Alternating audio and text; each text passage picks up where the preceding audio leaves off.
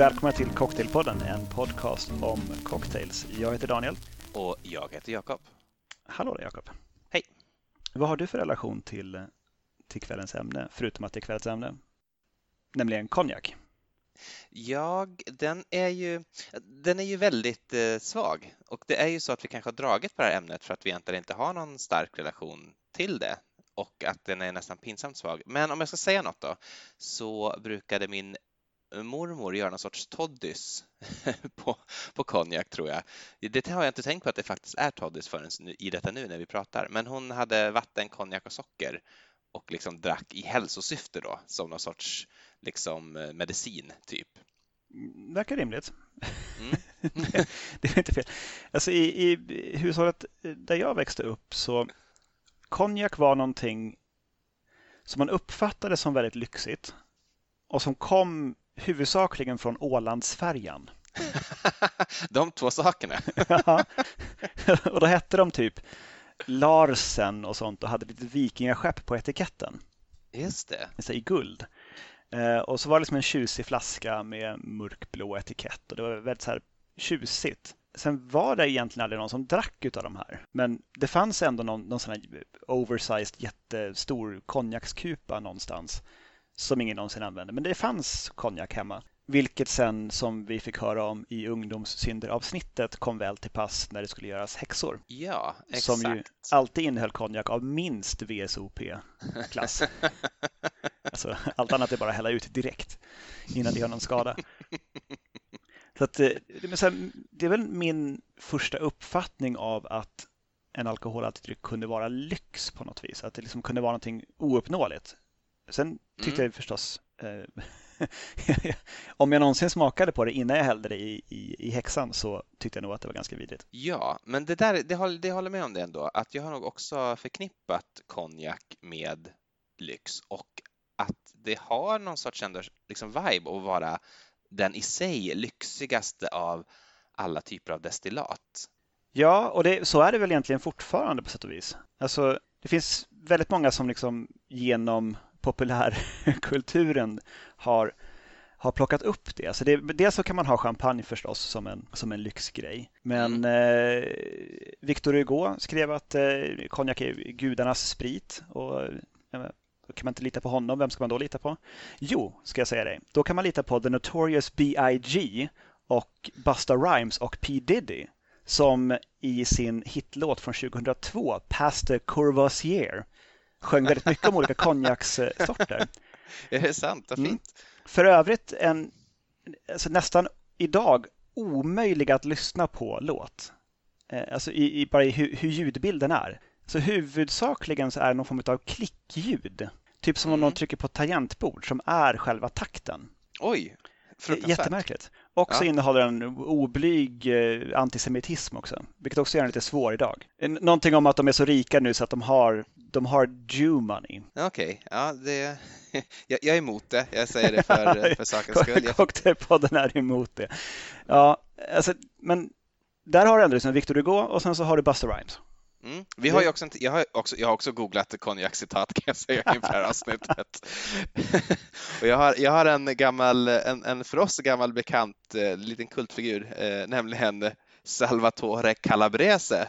Som... Jag har också en Salvatore Calabrese-grej det, det är säkert samma. Och det, det som jag tycker är roligt är att det här har jag faktiskt hittat översatt till svenska.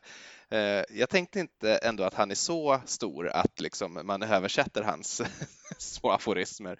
Men eh, jag kan läsa den här direkt ifrån eh, blogg.konjaksociety.se. Då står det så här i översättning. Skillnaden mellan konjak och armagnac. Tänk dig ett tygstycke av sammet och ett annat av siden. Känn på dem. Sammet har en djuprik textur. Det är en armagnac. Silket är ren finess och för mig är det konjak? Tjusigt. Den hade inte jag hittat. Däremot så hittade jag, när jag sökte på konjak överhuvudtaget så dyker det upp en hel del drinkar som är de dyraste någonsin-drinkarna. Som en hel genre av drinkar. Mm. Och anledningen till att konjak ofta förekommer i de här är för att, eh, som vi har nämnt tidigare i podden, eh, när man skickade över amerikanska vinrankor på 1800-talet eh, till Europa för att kolla, här finns det vin här borta också. Kan inte ni odla dem i någon botanisk trädgård?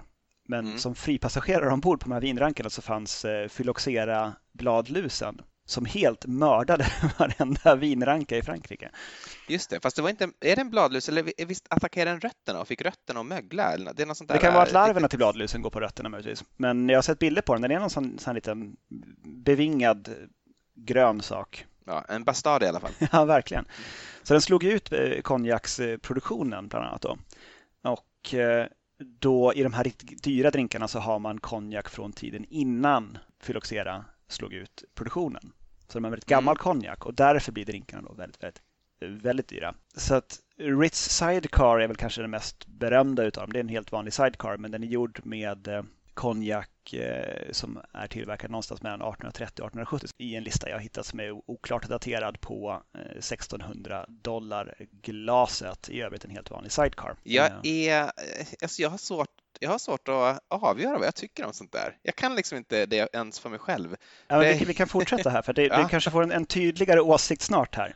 Ja, okej. Eh, Hur som helst, en, en standard sidecar är 4 centiliter konjak, 2 centiliter Cointreau, 2 centiliter citronjuice skakas med is och silas till ett kylt glas, eventuellt med sockerkant om man tycker det är fint.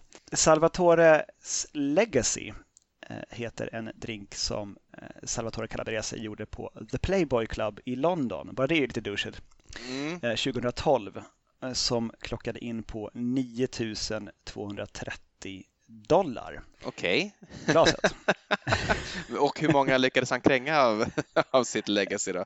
Han hade, nog, han hade väl typ en, en flaska, så det var på ett specifikt event som man kunde Ja, ja. eh, göra det här. Och den här var då en flaska Clos de Griffier Vieux Cognac från 1788 och sen eh, eh, Orange Curacao från 1860-talet och eh, Kummel från 1770 och ja, då är det recepten så här då. 4 centiliter konjak, 2 centiliter kummel och 2 centiliter orange curacao och sen 2-3 stänk angostura bitters. Dock inte känt vilken ålder de ska ha. Men det där, det är spännande idéer där tycker jag, för att jag förstår om man byter ut en ingrediens då, nu, är det konjak från väldigt länge, men liksom alla är det, men de är också från olika tidsepoker, så det är någon sorts... Det är bara det liksom- är bara att de är gamla, det är de äldsta man kunde hitta.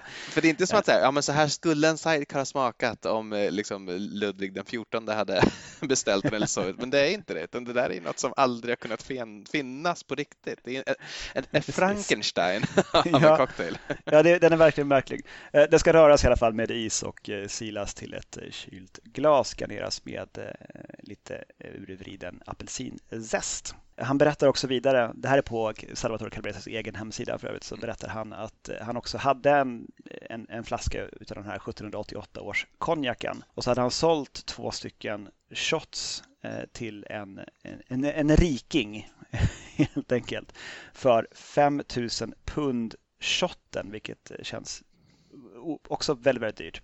Mm. Men sen när kunden reser sig upp så råkar han stöta till bordet som flaskan står på och flaskan var inte helt plan undertill. Så den Mm. wobblar till. Och sen liksom i en sån här slow motion ögonblick liksom, så ser Salvatore Calabrese hur den här flaskan liksom faller från bordet ner mot golvet Nej. och krossas Nej. i tusen bitar. Och så står han liksom där bara där och, och tittar på det här eländet och, och andas in ångorna från den här spriten och doften från den här konjaken som liksom eh, sprider sig i rummet och bara funderar som kan vi på något vis utvinna den här konjaken ur trägolvet? Går det att göra någonting? Så bara, nej, nej vi, får bara, vi får bara hitta en, en, en svabb och så får vi ta upp det här. Spännande liksom andra lagring då, liksom först på, först på tunna och sen på golv. Sen på golvet. Åh gud, blandat med Salvatore Calabreses salta, salta tårar. Eh, slutklämmen, eh, lite positiv not, han eh, skriver så här. Luckily I found another bottle. Så att eh, han vart nöjd. Jaha, ja, men han är ju någon sorts samlare. Det tycker jag man brukar se på hans eh, Twitterkonto, hur han eh, visar upp valda delar ur sin Vintage Spirits eh, Collection som han Mm. har i sitt mansion eller vad han nu kan bo i. Precis. But wait. Det är inte ens den dyraste konjakdrinken där ute. Okej, Utan det är förstås The Winston som eh, kostade 12 040 dollar glaset på klubb 23 i Melbourne. Då var det en konjak från 1858 8 och gammal Grand Marnier och sen så Chartreuse VEP. Mhm. Men verkar i övrigt vara liksom innehållsmässigt mindre intressant än Salvatore Calabreses vansinnesdrink. Eh, bara för att liksom toppa av listan. Eh, Den dyraste på den här listan som jag hittade var eh, The Diamond is Forever Martini. Som också är den dyraste och den dummaste av dem alla. Mhm. Det här är inte ens konjak, det, här, det har inte med ämnet att göra, det är bara att det är dyrt och dumt. Eh, 17 600 dollar på Ritz-Carlton i Tokyo. Här är det bara eh, kyld Grey Goose vodka med en hint of fresh lime juice. Stirred or shaken. Men det ligger också en diamant i glaset som du då ska försöka inte svälja. Ah, Och det är det. det, det, är det. Och så spelar också en orkester Diamond is forever. Alltså antar jag Diamonds are forever fast eh, med ändrad text då. Just det, ändå. men vad lamt. Det är, också, det är också lite fusk tycker jag om man ska göra en dyr drink. Det är som Ja, att säga att liksom, ja, jag kan göra en ännu dyrare drink. Jag tar den här, jag gör en helt vanlig drink, men jag skakar den genom att typ köra ett bil utför ett stup. En, en splitterny Merca. så jättedumt. och det är så den skakas. Det är Ja, precis. fantastiskt. Ah, gud. Ja, lite av en, en, en sidonote där. Ehm, Mm. jag vet inte, tror du folk är intresserade av, av vad som gör konjak till konjak istället för att vara brandy? Ja, det tror jag definitivt. Okej, det måste komma från konjak. Ja, där har vi det. Tack, då är vi klara. Druvorna måste vara därifrån och den måste också eh, destilleras där. Destilleras eh, vid två gånger och når upp till en volymprocent på 72 procent alkohol. Och sen vattnas den förstås då ner efter lagring så att den kommer Mm. ut i ungefär 40 procent, vilket är det den brukar säljas på. VS är minst två år på fat. VSOP då som vi hade i häxorna förstås när jag var en ungdom. Minst fyra år. Eh, Napoleon eller Excellence minst sex år. XO Extra OR eller Ordage minst tio år. Mm. Eh, är det man kan se på etiketterna. VSOP tycker jag för övrigt är en märklig akronym som ju står för Very Superior Old Pale. Det ligger det. liksom inte så bra i mun tycker jag. Det känns ganska ofranskt också. Ja, det är det. Men det är ju alla de här och det är inte så konstigt då för att det är ju det här är en produkt som är gjord för den eh, brittiska exportmarknaden. Precis som champagnen också då från början, eller från början, i alla fall blivit så. Eh, och precis som nästan all bra sprit, sprit så liksom även då eh, whiskyn, vi kanske kommer till den, men, men eh, är ju liksom brittisk överklass som har drivit på och eh, velat ha det och har liksom tvingat de här destillatörerna att liksom förbättra och förbättra sina produkter. Men VSOP kommer tydligen av att Hennessy, alltså företaget då Hennessy, ombads av någon brittisk kung. Nu säger jag George den sjätte. Jag vet inte ens om det finns en George den sjätte, men jag tror det var George den sjätte. Han ville ha, då ha en konjak som skulle vara very superior old pale. Jag, alltså jag vet inte om det, det finns någon sorts motsättning där, det kanske inte är very superior, men old och pale tycker jag låter som det ska vara någon sorts motsättning då, så det är kanske är det som var utmaningen. Eh, men de började då branda den VSOP och eh, andra hus tog efter.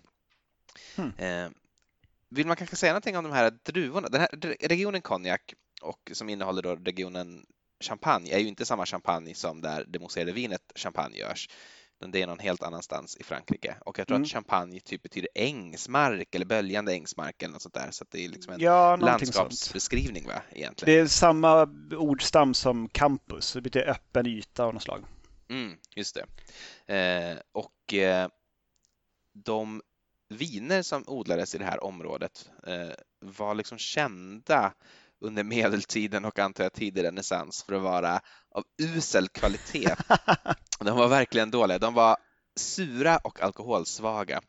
Eh, det det är väl liksom- exakt det som är bra att bränna sprit på? Eller?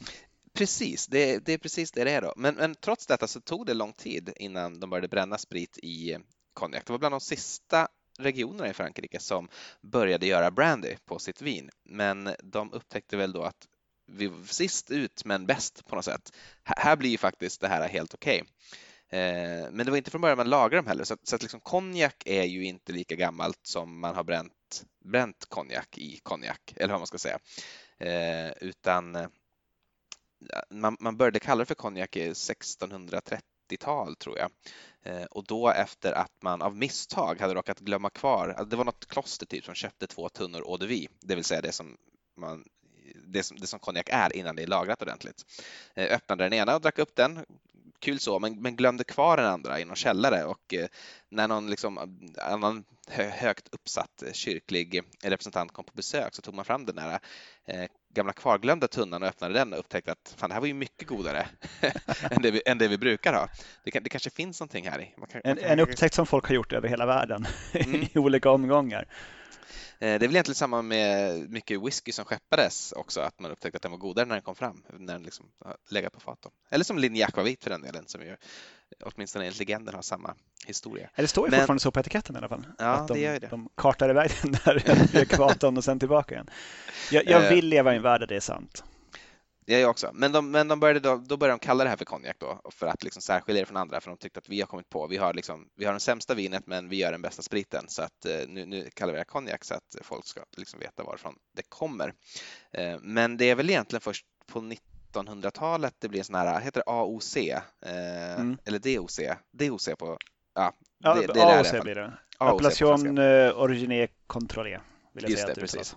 Och jag tror att det är typ 1909 eller något sånt där då liksom konjak blir ett skyddat eh, ja, AOC för, för just den brandy som man bränner i konjak och då också de här reglerna att det ska vara destillerat två gånger i kopparpannor och lagrat på si och så eh, olika sätt. Ja, men det, det är väl någonting om, om konjak. Men jag tycker att det är intressant just det här att eh, liksom alla de bästa produkterna i Europa på något sätt har skapats i samspel mellan olika kulturer.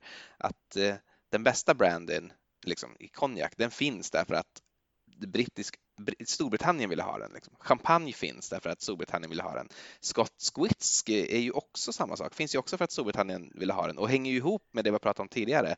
Det var ju verkligen konjak som man drack eh, om man hade pengar om man vill ha sprit mm. fram till Phylloxera egentligen då den här vinlusen kom och mörsade sönder det gjorde den ju verkligen. hela vinindustrin. Jävla dis. Eh, ja, verkligen. Eh, och då börjar man ju liksom få titta efter andra håll och eh, vad man kunde hitta då. Då upptäckte man att men de bränner ju någon sorts sprit på, på spannmål uppe i Skottland. Kanske kan göra någonting med det. Eh, men det var ju fruktansvärt och odrickbart. Men liksom tack vare det här ständiga demandet på bra sprit så lyckades man ju också få den industrin att börja liksom producera högkvalitativa produkter. Så det var ju en katastrof förstås med den här vinlusen, men tack vare den så har vi också allt annat. Det är därför vi har konjak, eller därför vi har scotch till exempel. Eh, det hade liksom aldrig utvecklat sig till någon förstklassig produkt om inte eh, man först hade liksom förstört den här ursprungliga marknaden. Så det kan man alltid tänka på. Det är, allting har en silver lining. Bra. Um, jag har faktiskt en drink som är från, du nämnde Hennessy. Mm. Men det är från det konjakshusets egna hemsida. Jag tycker ibland, ibland är det kul att kolla vad de, vad de själva tycker att man ska göra. Mm. Det här är en drink som de kallar för Lumberjack. Mm. Och det ska snart vara tydligt varför den heter så. Men här har du i alla fall ett och ett halvt ounce konjak, ett halvt ounce eh, citronjuice, ett halvt ounce lönnsirap. Anar du kanske var lumberjacken kommer ifrån? Mm, ja, jag börjar ana. Fem stänk angostura bitters. Det här skakas med is och silas till ett isfyllt glas och då har jag valt en liten konjakskupa till det. Mm. Det är en, en konjak sour. och det vet vi förstås genom tidigare avsnitt och eh, efterforskning att det här är gott. Den är också garnerad med lite sån bit av en kanelstång här i. Just det. Tjusigt, gott, välbalanserat. Rätt, rätt trevligt faktiskt. Mm. För övrigt så läste jag på eh, Systembolagets hemsida om konjak. Den kanske mest njutiga hemsidan som finns om sprit. det där, eh, för övrigt, jag tänkte så här, det tänkte jag också på innan avsnittet att jag menar, konjak dricker man ju alltid då historiskt sett eh, och som man tänker på det, alltså rent straight up. Mm. Och eh, whisky kan man ju ha i en skvätt vatten och det ska göra saker och ting bättre. Men det gör man normalt inte med konjak. Och det, då skriver Systembolaget att så här, får du avgöra om du tycker att det verkar sant eller inte. Mm. Spritdrycker baserade på frukt eller bär är känsliga och har lättflyktiga aromer. Det tappar därför i doftkaraktär om vatten slås i glasen. Så lägg hellre fokus på doften när det gäller denna typ av destillat. Spannmålsbaserad sprit som whisky, vodka och gin vinner däremot på att spädas med lite vatten i samband med provning. När du sitter där och har din vodkaprovning, Jakob, kom ihåg att stäcka i liksom några, några droppar vatten. När du tar din Grey Goose med liksom en, en hint av, av lime för 19 000 dollar. Ja, men det jag brukar göra är ju att eh, liksom först bara, jag sköljer diamanten men sen liksom torkar jag aldrig av den ja, innan jag lägger den i glaset. En homeopatisk mängd vatten. ja. Okej, okay, så att, ja men Lumberjack i alla fall, lite mm. småfånigt namnad eh, men det är naturligtvis inget fel på en, på en drink som innehåller eh, konjak, eh, någonting surt och någonting sött. Jag, jag gillar den.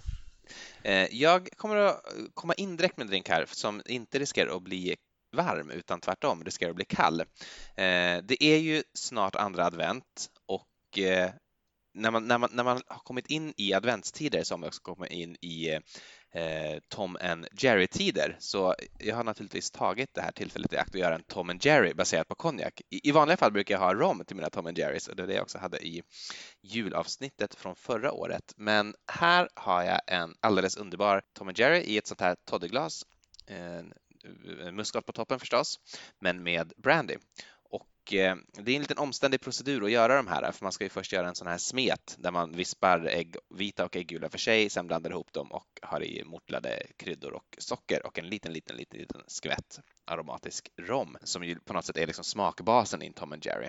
Men utöver det då 4 centiliter eh, eller 6 centiliter eh, konjak och eh, sen lite het mjölk på det och på toppen muskat som sagt. Det låter ju fantastiskt. Och det är det verkligen. Det här är en sån god och värmande och underbar julig drink. Vi har ju talat om att vi ska göra ett, ett nytt, eh, ett nytt julavsnitt i år och eh, jag känner att medan man sitter och, och diskuterar det så kan man verkligen göra det med en sån här Tom and Jerry. Så om vi passar på direkt efter att trycka på stopp idag så tycker jag att du ska springa och göra en sån här. Men vi ska inte gå händelserna i förväg. Okej. Okay. Vad härligt. Eh, då kan jag kanske ta rygg där med en drink som vare sig hotar att bli eh, varmare eller kallare. Mm, genialt. Mm. Nämligen en, eh, en konjak-skaffa. Och jag ska stavat förstås konjak, det är också en grej. Nu för tiden så skrivs konjak ofta med C på båda ställena i, i svensk text. Men mm. lite äldre texter så hittar man fortfarande med K på båda ställena, alltså konjak. Mm. Med skarpare tycker jag att det uttalas så. Och jag, jag, läste, jag läste någonstans att konjak med K kan man använda på svenska, alltså OJ då, K-O-N-J-A-K, mm. men att det också syftar på all typ av brandy. Så att det är liksom synonymt med brandy och inte synonymt med konjak. Jaha, vad, e, e, Enligt en källa som jag nu inte kan uppge vilken det var, men, men källa internet i alla fall. Mm. Men här har vi då i alla fall, det är en, eh, en skaffa för de som inte lyssnar på det avsnittet, är en drink som tillreds utan tillsats av eh, vatten eller is. Så byggs direkt i glaset, då har du 1,5 ounce konjak, 3 fjärdedels ounce maraschino-likör och ett stänk, vilket blev ungefär kanske en sjättedels ounce eller någonting av Campari. Mm. Mm. Kan man inte få ha det här i en konjakskupa istället för ren konjak? Ja, men det tycker jag man får. Stryk det, det tycker jag man ska. Ja, för att jag menar, en skaffa gör ju allting så mycket bättre. Och en skaffa blir aldrig gammal heller. Nej. Då kan man liksom sitta och, och ta hand om den här drinken hela kvällen om man så vill. Utan att den blir vare sig vattnig eller varm. Mm, inte för att jag rekommenderar att göra en kanna skaffa så att man slipper behöva gå till köket varje gång man vill fylla på, men jag, jag nämner denna möjlighet som existerande. ja, men man borde väl alltså, är det en ganska spritig skaffa så borde man kunna bara lägga den på flaska och ha den i skafferiet. Ja, det tror jag absolut Skaffariet. oh, oh, oh, det är nästan rekord. jag, jag, har en till, en till skaffa också. Jag, varit, ja. jag, fick lite extra tid här innan vi tryckte på, på rec så jag gjorde även en 1941 års Brandy-skaffa från eh, det årets utgåva utav eh, boken eller tidskriften Here's How. Mm. Eh, ett recept som jag hittade via eh, hemsidan midcenturymenu.com som verkar vara någon slags eh, eh, amerikansk eller engelsk version av Den bruna maten för de som är bekanta med det. Alltså man har tagit ett årtionde, det här fallet då 40-50-talen typ, och så har man kollat på vilka rätter som fanns och så har man lagat dem idag och sett vad som var bra och vad som var, var dåligt. Mm. Eh, det flashade förbi när jag scrollade igenom sidan någon form av köttte med tranbär som tydligen inte var någon höjdare. Men om det var torkat kött eller någonting så skulle man ha tranbär och så skulle man brygga te på det där. Hur som helst. Ja. Här har vi lika delar maraschino-likör, grön chartreuse och konjak lagt i lager i ett, ett glas och de är faktiskt fortfarande helt i olika lager här. Ja, det är de. Snyggt. Mm. Men jag tänker att jag, jag sparar och smakar på den till slutet på avsnittet. Då drar jag den som en, eh, en skaffa-shot helt enkelt. Ja, men eh, genialt. Eh, jag kan väl... Eh, jag har inget speciellt liksom, ordning som mina drinkar börjar drickas i, förutom att jag tänkte att jag börjar med den varma. Då. Men jag har ju en, en drink som vi har pratat om tidigare i podden, som jag har gjort igen nu, som eh, är väldigt lik en kall Tom and Jerry, nämligen den märkligt namngivna Coffee Cocktail, som ju inte innehåller något kaffe. Jag tror att du pratade om den i kaffeavsnittet, mm. märkligt nog. Ja, jag tror till och med att jag gjorde en coffee cocktail då. Ja, säkert. Eh, jag tror det också.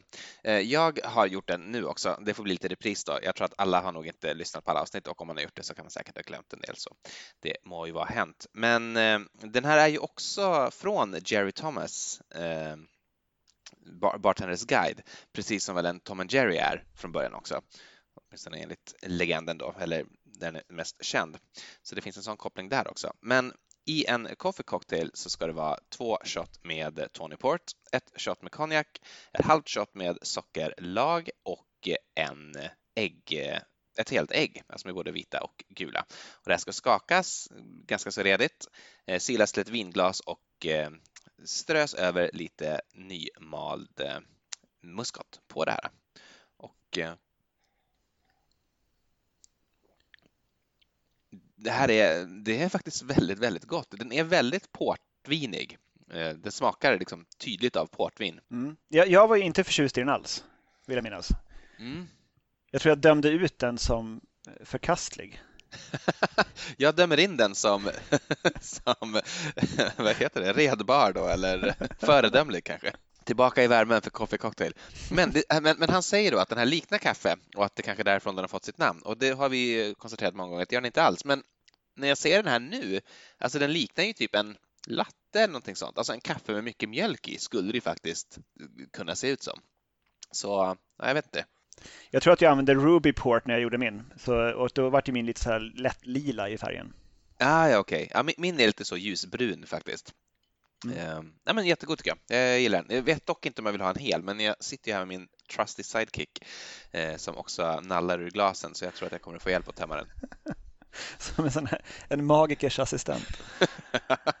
Helt plötsligt får drinkarna att försvinna. Liksom. Precis, ja. exakt så. Jag har faktiskt också en drink med Tony Port, som jag kanske kan ta rygg på direkt. Mm. Eh, nämligen eh, oklar anledning döpt till Da Vinci Code. Eh, mm. Skapad av en Matthias Busek på Chiltern Firehouse i London någonstans runt 2015. Så det är inte ens i Da Vinci-kodens storhetstid som den här drinken är skapad. Så det kan liksom inte riktigt vara direkt så kopplad till att eh, ja, men det, det har nog med Dan Brown, heter han så? Ja, det, det heter han Bokserie där. Ja, men det är ja, filmen då? Kan det inte vara att filmen kom då? 2015? Ja, ja. jag vet inte. Ja, ja. Det känns som att det är längre sedan. Ja, hur som helst. Eh, två ounce konjak, ett halvt ounce Tawny Port, ett sjättedels ounce kaffelikör och ett sjättedels ounce salt kolasås. Oj, spännande. Mm. Då häller du alltihopa i ett mixingglas och så rör du tills kolasåsen har löst sig ordentligt. Eh, sen tillsätter du is och eh, rör och silar upp till ett kylt glas. Då ser den ut så där. Ser ut som, ja, ser ut som konjak ungefär. Mm. Mm. Den här är faktiskt en, det är en riktig, riktig höjdare. För den, alltså kaffelikören det är den hemmagjorda vi har gjort så jag vet inte om det blir annorlunda med om man köper Kahlua eller någonting. Men eh, det, det är fantastiskt gott. Och saltet känner man ju förstås inte av för det är så lite. Men mm. man vet ändå att någonstans där inne så finns det eh, salt kolasås som bara omfamnar den. Men jag tänker det kanske är smakbärare snarare då än liksom smak i sig självt i de här eh, volymerna. Mm. Den här skulle funka som, som skaffa också. Mm. Men det är mycket som skulle det, tror jag. framför allt har jag märkt att nästan, liksom, nästan, alltså ta nästan vilken, åtminstone lagrad sprit som helst, häll i lite eh, någon typ av apelsinlikör eller om du inte gillar apelsinlikör, eh, maraschino-likör. Maraschino-likör skulle naturligtvis ha i vilket fall som helst då, så att antingen båda de två eller bara maraschino och, och rör om så har du liksom en skaffa som är jättegod. Eh, jag tycker det funkar jämt. Gjorde en häromdagen till exempel när vi hade ett litet gästspel i stugan. Vi har egentligen stängt den för vintern, men vi ville titta till den så att den inte hade brunnit ner eller på något annat sätt råkat ut för någon olycka. Det hade den inte kan jag säga, så yay. ja, vad härligt. Mm. Ja. Eh, nej, men det, skaffan är väl egentligen den stora upptäckten under de här åren med, med Cocktailpodden. Men det är nästan det. Det är liksom ett behagligare sätt att dricka rumstempererad sprit mm. än att bara dricka spriten i sig. Det är som en förbättrad avec. Ja, verkligen, verkligen så. Eh, och ett sätt att liksom göra en, ja, men göra en avec som du kan liksom tweaka till precis vad du vill ha precis just då. Exakt. Um, jag, har, jag har ganska många drinkar kvar så jag tänker att jag, jag rullar på. Mm, om, jag har några inte, kvar också, men, men fort, fortsätt för all del. Det är bara att köra. okay. uh, vi tar en till filmreferens här. Uh, The Thin Pink Line heter den här drinken. Mm. Och filmreferensen då är eh, till filmen Den tunna röda linjen från, tror jag, 98 vill jag säga. Som hade dåtidens eh, allra största kändisar som Clooney och Cusack och sånt i en andra världskriget eh, setting där de allihopa sprang runt i uniform och krigade. Det känns som den kom samtidigt som Rädda menige Ryan och därför liksom aldrig riktigt lyfte. Den var som på något sätt utkonkurrerad av en, en annan ja, krigsfilm med samma tema. Rädda meningen Ryan hade ju Tom Hanks. Tom Hanks. och Matt Damon i sig. Mm. Och det är ju det är andra sidan av det här gänget. Ja, skitsamma. Uh, så här gör man den i alla fall. Ett och två tredjedelars ounce konjak, uh, två tredjedelars ounce citronjuice, ett tredjedels ounce uh, rörsockersirap, 2 till 1, ett sjättedels ounce orgeat och en äggvita. Det här skakas med is och silas till ett kopglas och sen så tar du eh, två teskedar Peugeots bitters, alltså ungefär 10 milliliter. Så gör du liksom en liten, liten öppning i mitten av det här skummet och häller ner alltihopa i, eh, i mitten lite försiktigt. Och sen så väntar du och eventuellt snurrar glaset lite lätt eh, så att det liksom rör sig utåt tills du får ut persodsen under äggskummet men ovanpå drinken och det går nästan att se tror jag, i mm. webbkameran. Att det är ja. rödare högst upp där. Ja, det är det. Coolt.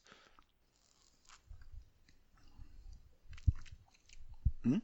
Det är gott. Peugeotsen tor torrar ju ut det hela ganska rejält, i alla fall i den första sippan man tar. Mm. Mm. Ja, det här är bra. Ehm, Föga förvånande att den är skapad på Milk and Honey förstås. I och med att det är en bra drink. Ehm, det här är Milk and Honey i London och då är det en Sean Fennelly som har skapat den här någonstans också runt 2015. Så inte i närheten av filmen. All right, nej, eh, märkligt, eh, märklig referens att ta då, men det är säkert så att han kom på det här hur man kunde göra en tunn linje med Peugeot och liksom bara went with it. Eh, ja, ja, ja, I will allow it, som man säger. Eh, jag har också en drink med Peugeot, så att det passar utmärkt för mig att haka i den. Den innehåller också Tony Port, så att den liksom hakar i mycket. Eh, och även eh, lönnsirap, som vi har ju nämnt under Jesus. det här avsnittet. Så att den är verkligen en sån eh, mashup av det vi har pratat om hittills. Men den är skapad av Simon Difford på The Cabinet Room år 2014 och är också hämtad från Diffords Guide som säkert inte förvånar någon. Den heter Randy Old Fashioned och namnet, ja, det är en jäkla svag historia om namnet. Eh, jag tror att det ska vara någon sorts cockney-grej going on. Du får höra, jag läser från hemsidan så får du se vad du tycker. Då. Port and brandy rhymes with Randy are, står det inom parentes då, are traditionally consumed at Christmas and used to be popular British pub combo. Okay. There you have it. Låter rimligt. Uh, ja, okay, Brandy bra. och Randy går väl typ att rimma på det? jo, men det är liksom, det är för svagt. Man kan inte bara behöva rimma på något för att det ska vara... Okej, okay, vi glömmer det. Eh, det här, det här, är en Old Fashion då, som namnet antyder och eh, den ska röras på is eh, och sen silas till ett isfyllt Old Fashion glas. Eh, garnering är eh, ett eller flera eh, maraschino körsbär på pinne. Och det, innehållet är då två shots med konjak, en shot med Tony Port, en fjärdedels shot med eh, lönnsirap, två stänk absint och två stänk Peychaus bitters. Så ni hör ju att det här är någon sorts glorifierad eh, uppumpad Old Fashioned möter en Sazerac typ. Och eh, hur tror du att den smakar? Jag kan säga så här, den smakar exakt som man tror.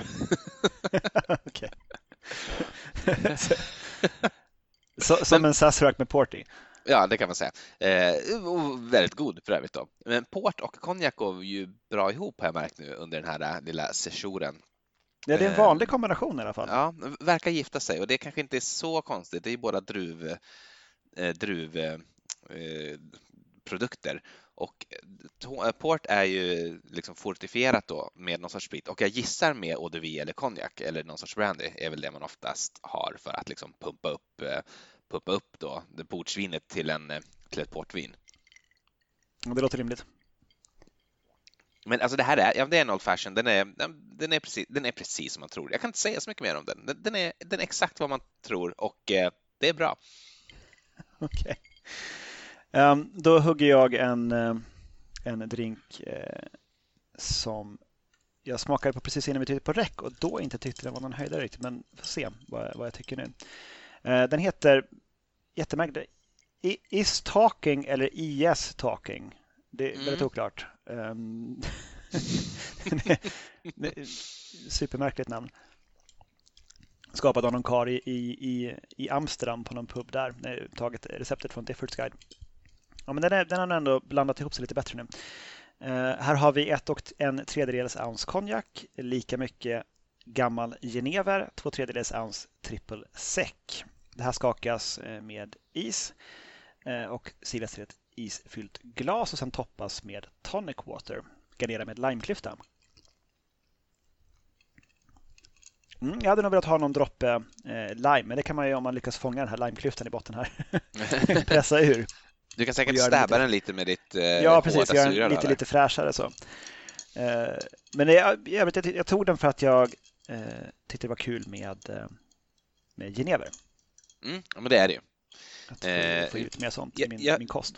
Det här namnet fladdrade förbi också under min research och eh, också jag har lite svårt att förstå, för det är, två, det är liksom två stora, alltså IS i versaler, eller hur? Ja, det är det. Att, IS och sen talking i, i gemener. Ja. Det är jättekonstigt. Visst är det märkligt. Eh, jag tänker mig att det är Islamiska staten, talking då. Ja, Varför de skulle uttrycka sig på det här sättet är jag inte helt hundra på. okay. ska, jag, ska jag ta en, en till? Jag, jag har gjort jättemånga till idag. Ja, eh, kör, kör. det är bra.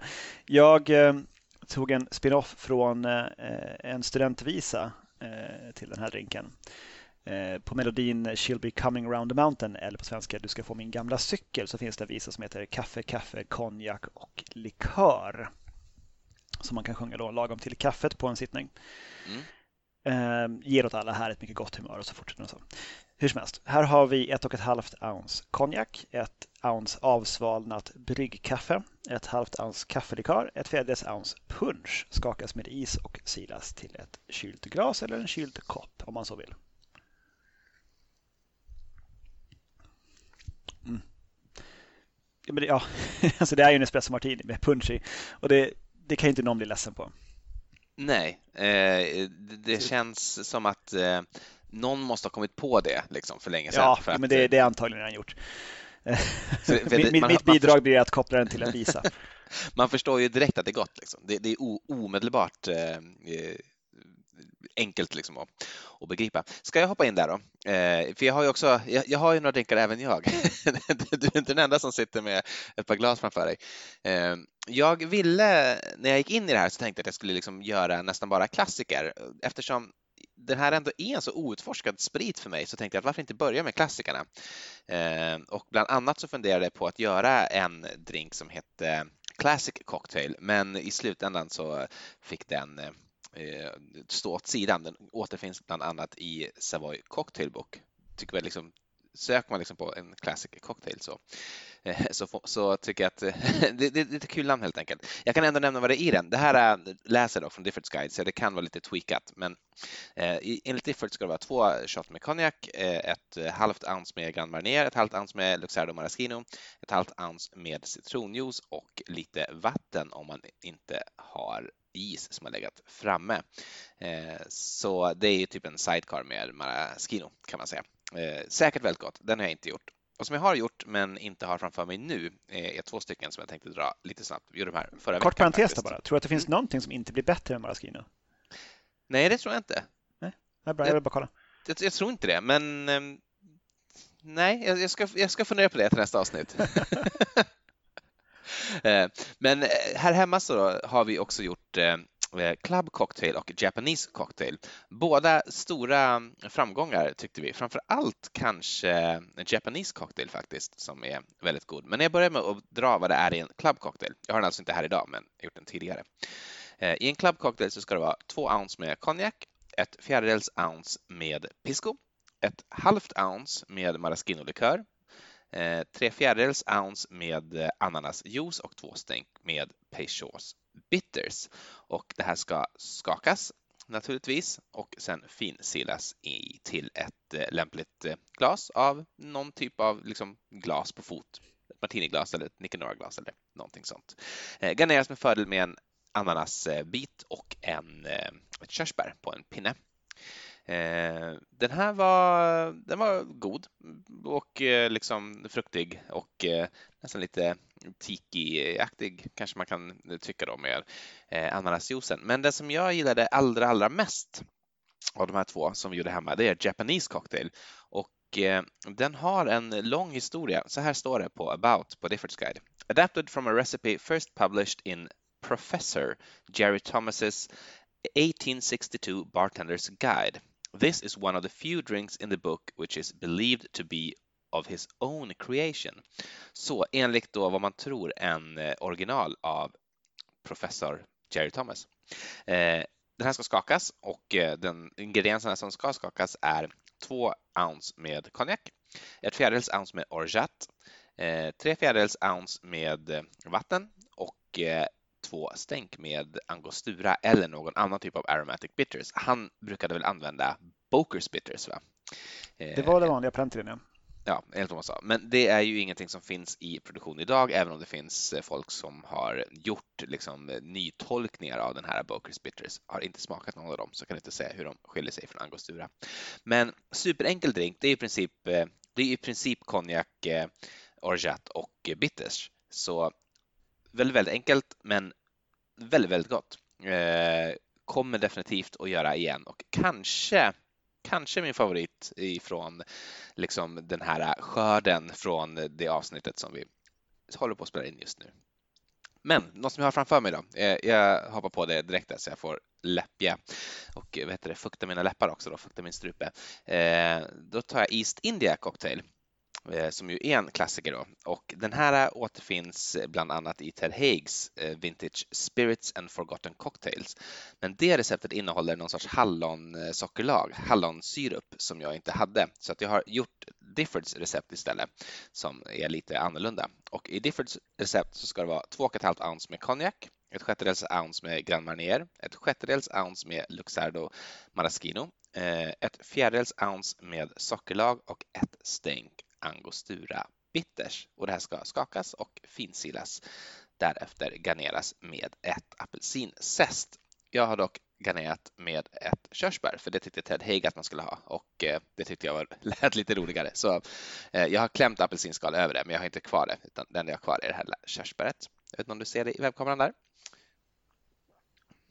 Här kommer ju konjaken verkligen fram. Det är mycket konjak också. Det är två och en halv shot eh, och eh, dessutom ett sjättedels shot med Grand Marnier som ju är en apelsinlikör baserad på konjak, eller åtminstone på brandy.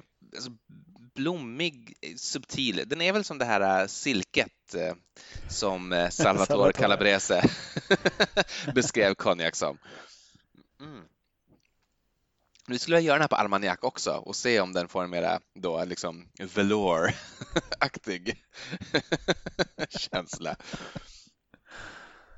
Ja, men det här är verkligen vuxen. Det här är som en, eh, ja men typ en Martinez eller en, eh, en Manhattan eller någonting sånt. Det är liksom, eller faktiskt som en skaffa. Framförallt nu när den har blivit lite varm. Den var ju kall naturligtvis från början, men nu när den har värmts upp lite grann så märker man att det är fortfarande en jättebra drink så att det här skulle absolut funka som en skaffa också.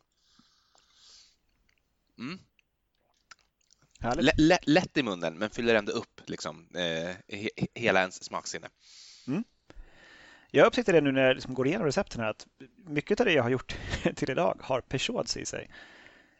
Vilket ju är, det är ganska elakt för det, Peugeots går ju fortfarande inte att köpa i Sverige. Mm. Man kan väl beställa via någon sån här internetgrej och få det hemskickat under typ tullens radar eller någonting. Men mm. Systembolaget säljer fortfarande inte, trots dina påtryckningar tidigare Jakob. ja, och det är så himla usel ursäkt också.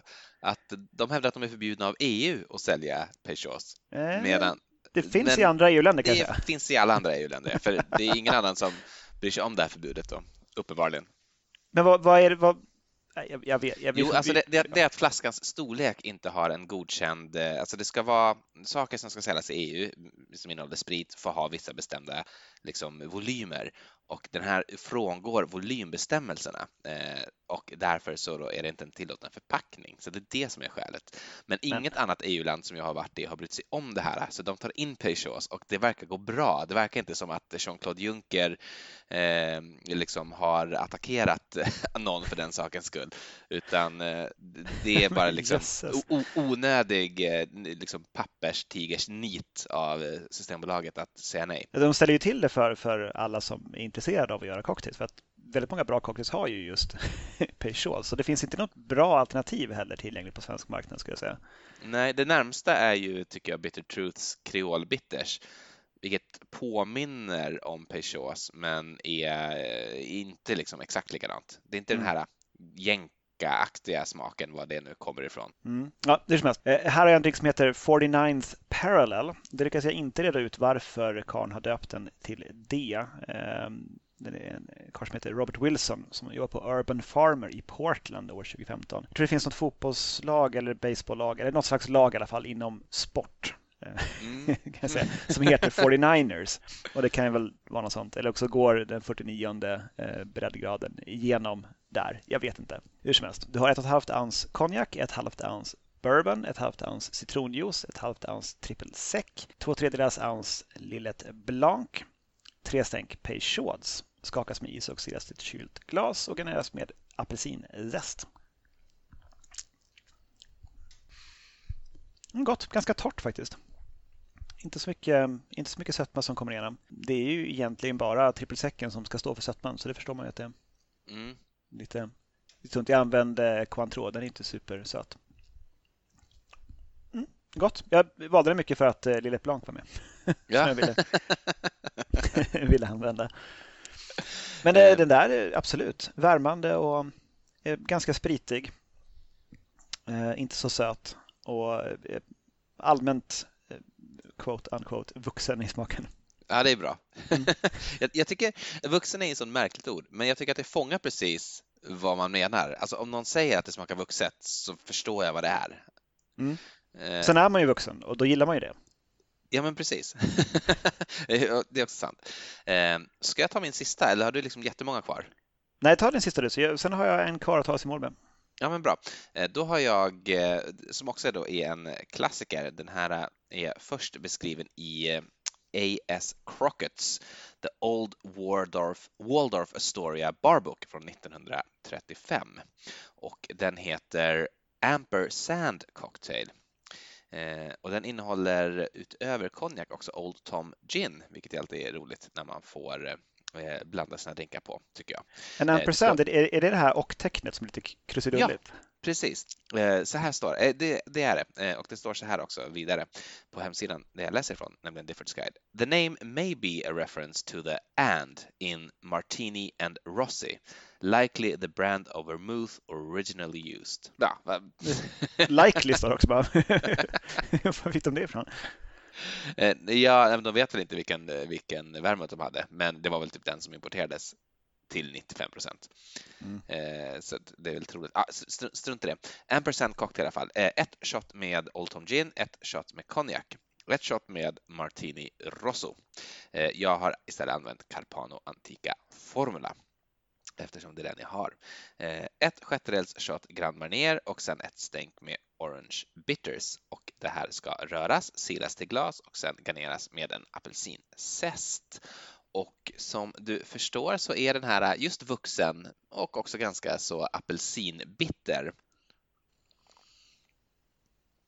Det här känns som en eh, eh den, den, den första är väldigt god och eh, förvånansvärt bitter faktiskt. Det är också kanske för att jag har Ehm, eh, vilken, vad heter det, vermuten, Antika Formula, eh, som ju är en ganska, ganska bitter vermut, men den är faktiskt bittrare än man tänker sig. Jag gissar att det kommer fram för att det är så himla lite socker i den. Det är ju en sjättedels eh, shot med Grand Marnier, men det är inte jättemycket sötma. Jag skulle faktiskt kunna tänka mig att bittra upp den här ännu mer genom att ha typ eh, ett fjärilsshot Campari i och få det till någon sorts eh, liksom lyxigare Negroni typ. Tror jag skulle bli väldigt, väldigt gott och funka väldigt, väldigt bra. Men det funkar väldigt bra på det här sättet också. Eh, bitter, vuxen, apelsinig och en ganska rund munkänsla. Ja, där har ni det. Ampersand cocktail. Eh, gillar den mycket. Okej. Okay. Jag tror att vi måste nämna eh, Champagne Cocktail också i det här avsnittet, annars får vi eh, hatmail. Yeah. jag har inte gjort någon, eh, men där har du 3 centiliter konjak, 12 centiliter champagne, 2-3 stänk angostura bitters och en sockerbit. Och då dränker du sockerbiten i angostura bitters och sen på med konjak och på med champagne. Ungefär så. Bra, då kan vi, kan vi bara i sammanhanget säga att det är också fullt möjligt att göra en French 75 med konjak istället för med gin. Eh, nu har jag inte då proportionerna i huvudet, men det är ju i princip att göra en sour toppar med champagne. Mm. Eh, så har du en French 75. Så gott! Så Otroligt gott. bra. Det är en jättebra idé. Det blir också en franskare 75 på något vis. Ja, det blir det verkligen. helt, helt sant. Eh, funkar jättebra med konjak. Eh, ja. väl, väl värt att pröva. Bra. Eh, min sista drink för dagen är lite baserad av ett, ett lyssnarmail vi fick där en, en lyssnare skrev in och sa varför gör ni inte, eller har ni inte gjort ett avsnitt om mescal? Och sen typ avslutade med jättemånga utropstecken och eh, orden Division Bell. ja. ja, men det, okay. det, vi har ju, det var ju en tid där när vi inte pratade om mycket annat än just Division Bell, i alla fall jag mm. och varianter därpå. Så att här har jag faktiskt gjort en, eh, en Division Bell-variant på konjak eh, som är ett ounce konjak, ett halvt ounce maraschino-likör, tre fjärdedels ounce citronjuice och sen istället för originalets Aperol så har jag tre fjärdedels ounce Campari istället. Mm, brave man. Mm. Jag, jag testade med Aperol först, men det vart lite för sött och inte tillräckligt bittert för min, min smak som den är nu. Eh, den här kallar jag då eh, efter originalets Division Bell eh, för det franska ordet för vacker, nämligen Bell. Snyggt. Det är också tveklöst den allra bästa drinken jag har framför mig här idag. Vad roligt, vad kul. Otroligt gott. Om man gillar beska. Det, det går också att, eh, att ta Aperol istället och få en något mildare, mildare beska i drinken, men det här är otroligt gott. Alltså maraschino-likör och Campari. Eller maraschino-likör och konjak, eller maraschino-likör och allt. ja, just maraschino och, eh, och, och, och eh, Campari har jag nog inte någon riktig uppfattning om tror mm. inte jag har druckit tillsammans faktiskt. Men jag kan verkligen tänka mig. Så fort vi stänger avsnittet så får du springa iväg till köket och göra en, en bell. Mm. Absolut. Och där tycker jag väl också att vi, vi är någonstans i, i slutet. Det är det. Du har ju en sak kvar va? Din uh, layered uh, shot där. Du drack ja, just det. Jag har ju min... Jag försökte komma undan den här. Omdömet på den här eh, Den bruna maten hemsidan var att den var väldigt hot, alltså som i spritig eh, mm. och oangenäm på alla sätt och vis. Fan också. Jag trodde jag skulle kunna klara mig undan. Ja, ja. Men eh, har du några, några vackra slutord? Annars kan jag läsa lite grann ur texten från eh, Past the Courvoisier låten med Busta Rhymes et al. Jag har hundratals citat om konjak här, men jag tycker att, eh, att vi tar Busta Rhymes. Okej, okay, jag, jag, läser den som lite grann som spoken word. Give me the Henny, you can give me the Chrissy, you can pass me the Remy, but pass the Courvoisier. Give me shit, you can give me cribs, you can give me whatever, just pass the Courvoisier. Skål för det. Nej, jag håller inte med um, den här hemsidan. Jag tycker det är väldigt gott. Vad bra! Gifter sig väldigt bra det. Vad bra! Vad roligt! vilken, vilken oväntad shotsavslutning. Med, med, de, med de positiva orden tycker jag att vi tackar för er uppmärksamhet och eh, säger välkomna tillbaka nästa vecka, eller när det nu blir. Ja. Inom kort i alla fall. Skål och godnatt! Skål, godnatt!